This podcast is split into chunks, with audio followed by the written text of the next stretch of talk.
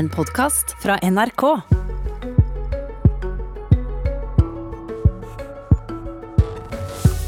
MDG vil ha Støre som statsminister. For første gang flagger partiet side. Sentralstyret vil gå til Arbeiderpartiet og SV.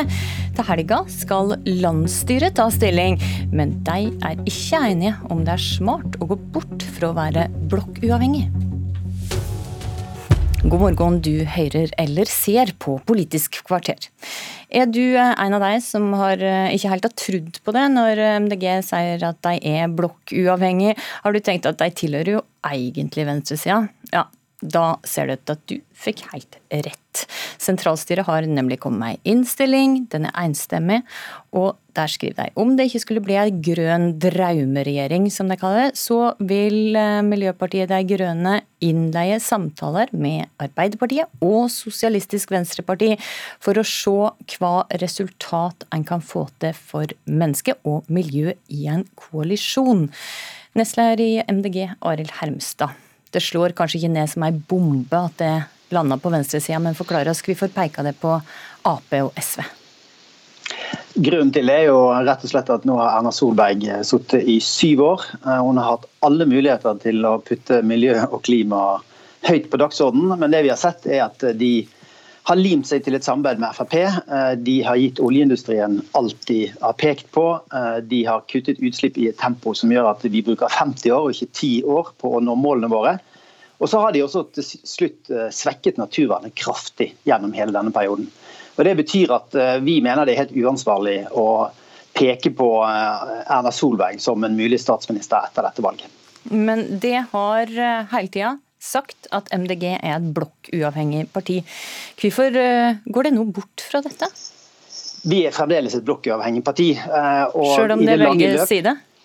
Ja, for I det lange løp så er eh, miljøkampen det er dette århundrets viktigste kamp. Og I forrige århundre så var det frigjøringen av arbeiderne. og Da var høyre-venstre-aksen det aller viktigste. I dette århundret så mener jeg at den store forskjellen går mellom de grå og de grønne partiene. Eh, og Det betyr at eh, vi fortsatt har en blokkuavhengig posisjon. Men, men, men Heimstad, Heimstad, det ja. kan ikke både være blokkuavhengig og velge side på en gang? Eh, altså Det gjorde vi eh, før valget i 2019. Så avklarte vi eh, hvilk, at vi i Oslo for eksempel, hvem vi ville styre sammen med. Eh, og Det har vi gjort i lokalvalg. Denne gangen så har vi altså hatt et borgerlig prosjekt med Erna Solberg i spissen, som har levert så elendig miljøpolitikk at vi mener at de fortjener en avløsning, og at vi må prøve å finne enighet på venstresiden med Arbeiderpartiet og SV om en mye mer radikal og en helt annen politikk enn det vi har sett til nå. Og peika dermed på Støre som den eh, neste statsministeren? Det betyr det at eh, det er der vi vil eh, søke samarbeid. Og så tror jeg det er viktig å si at vi er jo egentlig en torn i øyet til alle partiene. Vi utfordrer hele det politiske Norge fordi vi mener at alle partiene så langt har sviktet. Men jeg syns jo at våre velgere fortjener å vite eh, hvilken side vi syns det er mest aktuelt å samarbeide med før dette valget. Mm. Jonas Gahr Støre har eh, sagt en rekke ganger at han ikke ser det som naturlig å gå i regjering med MDG. Hva vil det gjøre for å komme inn i varmen likevel? Jeg tror eh, vi skal være ærlige på det at Hvis vi skulle hørt på andre partiledere og hva de ønsket fra oss, så burde vi sikkert lagt ned hele partiet. Eh, men vi, eh, vi, kan jo ikke høre på det. Det er velgerne som skal bestemme hvem det er som skal komme i regjering til syvende og sist. Og hvilke konstellasjoner og hvilke samarbeidsformer som skal være etter valget. Så det tror jeg både Støre og Vedum og Erna Solberg og alle må forholde seg til. Det er det valgresultatet vi kommer frem til. Og så får vi telle stemmer, og så får vi eh, forhandle etterpå det. Men Støre ønsker seg Senterpartiet og SV i si regjering. Er det aktuelt for MDG å være støtteparti til en slik regjering? Eh, det tror jeg er relativt hypotetisk. Eh, og Da må jo denne regjeringen virkelig høre på oss og gi oss solide gjennomslag for å sette en sluttdato på olje. Eh, sette klimaendringene og naturtapet i førersetet for regjeringen. Eh, og Da kan ikke vi utelukke noe, men jeg ser ikke på det som veldig sannsynlig hvis ikke MDG også skal eh, ha en plass i en sånn regjering. Fordi at Det nevner rett og slett ikke Senterpartiet i dette vedtaket fra sentralstyret i det hele tatt. Og, og bare for å spørre om det også, Hvorfor kommer denne viktige avklaringa fra MDG akkurat nå? Vi ønsker jo å så tidlig som mulig å flagge hvor vi står foran akkurat dette valget. Og det mener vi at det gir et godt grunnlag for å jobbe videre med valgkampen hvis vi avklarer det nå. For det aller viktigste for oss er jo ikke å bruke tid på dette, men å bruke tid på å fremme vår egen politikk og si hvorfor det er viktig å sette miljøet først denne gangen. Så er det altså slik at Sentralstyret har kommet med si innstilling, men dette, denne saka her, den skal opp på eh, landsstyremøtet til helga. Og Kristoffer Robin Haug, stortingskandidat for De grønne i Akershus. Du er ikke enig med sentralstyret, og vil ta opp kampen. Hvorfor mener du det er tabbe å peke på en koalisjon med Ap og SV? Ja, jeg vil jo si at uh alle kan jo være enig med Arild Hermstad når han sier at dagens blå-grå regjering ikke har levert på klima og miljø. Det kan vi være enige om. Men jeg tror det er feil av to grunner eh, å love seg bort til, eh, til de røde på venstresida nå. Det ene er jo rent ideologisk. Eh, jeg mener jo ikke engang at De grønne er blokkuavhengig. Jeg mener at vi tilhører den nye grønne blokka i norsk politikk. Eh, de blå eh, partiene ble skapt for å beskytte borgerskapet og næringslivet fra staten. De røde partiene ble skapt for å eh, beskytte arbeiderbevegelsen. Og den nye grønne blokka i norsk politikk har blitt skapt for å beskytte de som faller utenfor. De som verken er arbeidere eller kapitalister. Fremtidens generasjoner, naturen og dyra. Så du vil egentlig ha ei grønn drømmeregjering, du da, som også MDG skriver om i sitt sentralstyrevedtak. Med bare SV og Venstre og MDG? Jeg har eh, erfaring fra for så vidt eh, en gang i tiden å være lokalpolitiker i Oslo, bydel Bjerke. Og vi hadde alltid før hvert eneste bydelsutvalgsmøte hadde vi en møte i den grønne blokka.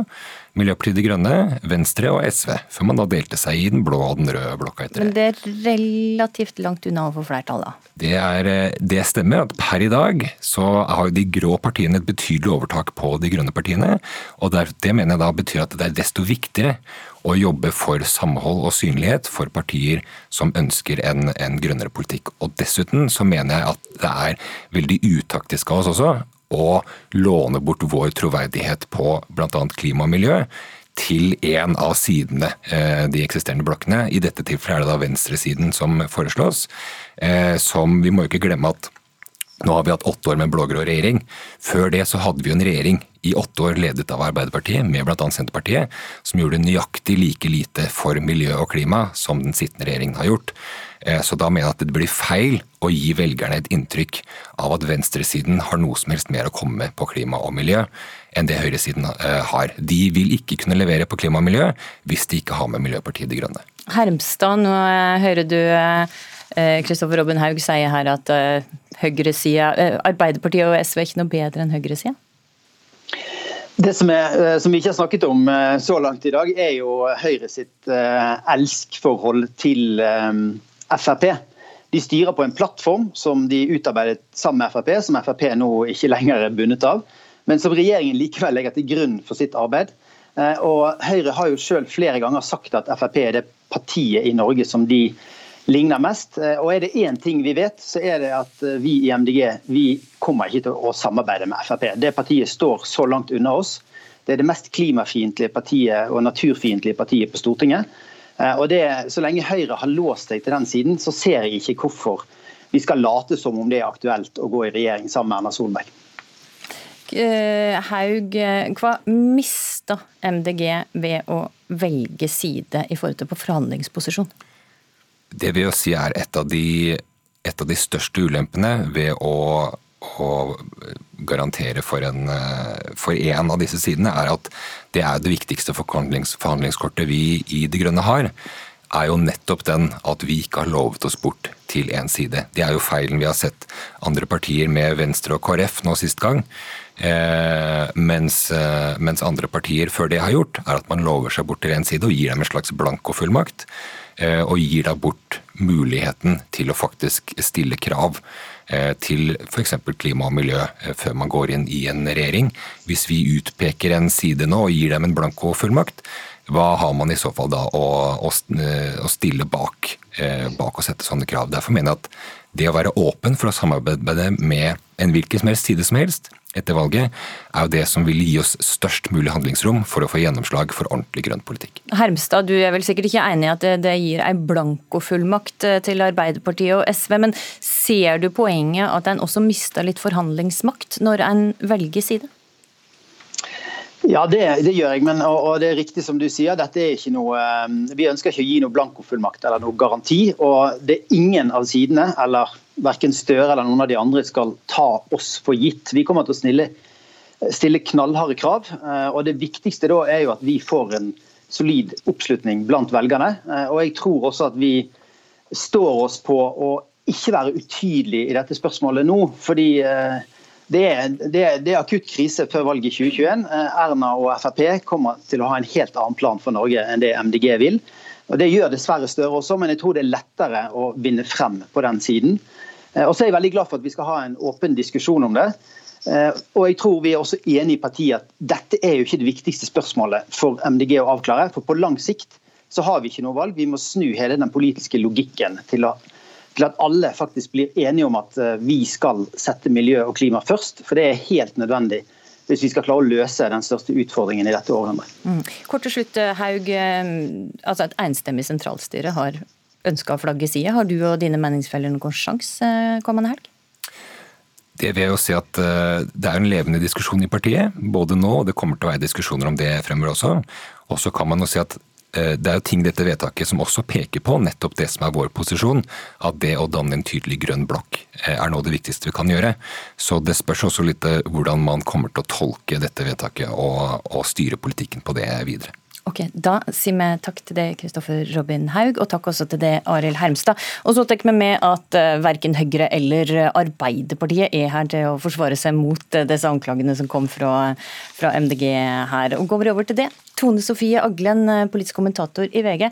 Er det taktisk smart av MDG å velge side og gå bort fra å være blokkuavhengig nå? Nei, Det avhenger nok litt av hva de vil oppnå. Jeg tror sånn Eh, velgermessig på kort sikt, så har de nok ikke så veldig mye å tape. For jeg tror eh, ingen falt av stolen av overraskelse over eh, det her veivalget. MDG blir oppfatta som et rød-grønt parti, og det ser du nok også både på hvordan de stemmer i Stortinget, hvem de samarbeider med, og ikke minst hvilke preferanser velgerne deres har. Men så er det sånn at man kan nok ikke være litt blokkuavhengig, selv om det er det Arild Hermstad prøver å fremstille sånn. Og det er jo litt sånn at man gir jo litt fra seg et forhandlingskort når man så tydelig peker på Støre i forkant. Og de risikerer jo også det å miste litt den der troverdigheten på at klima og miljø er det viktigste uansett. Og så, og så, handler det også litt om eh, partiets sjel, eh, hva de vil være på sikt. For jeg tror nok at hvis de binder seg veldig til ei side, så gjør nok det noe både med politikkutvikling, med relasjoner og andre ting som gjør at de stiller nok ikke med blanke ark eh, neste gang. Og det er egentlig bare å se til Sverige på deres søsterparti der, som oppfattes veldig som et sånn støtteparti til Sosialdemokratene.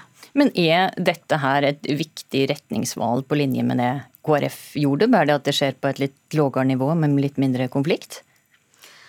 Jeg tror det er vanskelig å sammenligne det, for eh, ingen ble overraska over at eh, Miljøpartiet vil eh, havne ned på den sida, men jeg tror nok for partiets sjel, for de som grunnla partiet i sin tid, de har nok vært veldig opptatt av at, at de ikke skal defineres inn på én side. Så, så, sånn sett så er det nok et, et litt sånn krevende veivalg, men vi har jo sett de siste årene at partiet har utvikla seg mer og mer i den retning. Støre, Jonas Gahr Støre i Arbeiderpartiet det er uaktuelt for han å sitte i regjering med MDG, men kan han egentlig komme uten, utenom det? Nei, dersom MDG kommer på vippen, så må Arbeiderpartiet forholde seg til MDG. Og vi ser jo også i i Arbeiderpartiet at det er jo en veldig utvikling. De samarbeider med MDG i alle de store byene. Det gjør noen ting med, med forholdet. Og uh, vi ser også blant mange av de unge og sånn, de er mye mer positive til MDG enn kanskje særlig fagbevegelsen og industrien har vært. Men også der ser vi jo et litt sånn virkelighetserkjennelse av at det er et parti man må samarbeide med. Mm, og så uteletta Senterpartiet. Ja, og det er jo ikke tilfeldig. Og så er jo litt det her spørsmålet er uh, er det nødvendigvis sånn at uh, gresset er grønnere på rød-grønn side? Og jeg tror nok i hvert fall i MDG sine øyne så er det kanskje naturlig at de havner på det nå, når Høyre har sittet åtte år i, i, og styrt. For et opposisjonsparti så er det naturlig at man ønsker et skifte, men jeg tror nok at uh, både Senterpartiet og også deler av Arbeiderpartiet vil bli oppfatta vel så mye som en bremsekloss som på den andre sida av politikken. Ja, det blir spennende å se. Takk for eh, analysen, Tone Sofie Aglen. Og eh, det var Politisk kvarter denne morgenen. Husk at du kan laste ned sendinga som podkast. I studio i dag var Astrid Randen. Du har hørt en podkast fra NRK. Hør flere podkaster og din NRK-kanal i appen NRK Radio.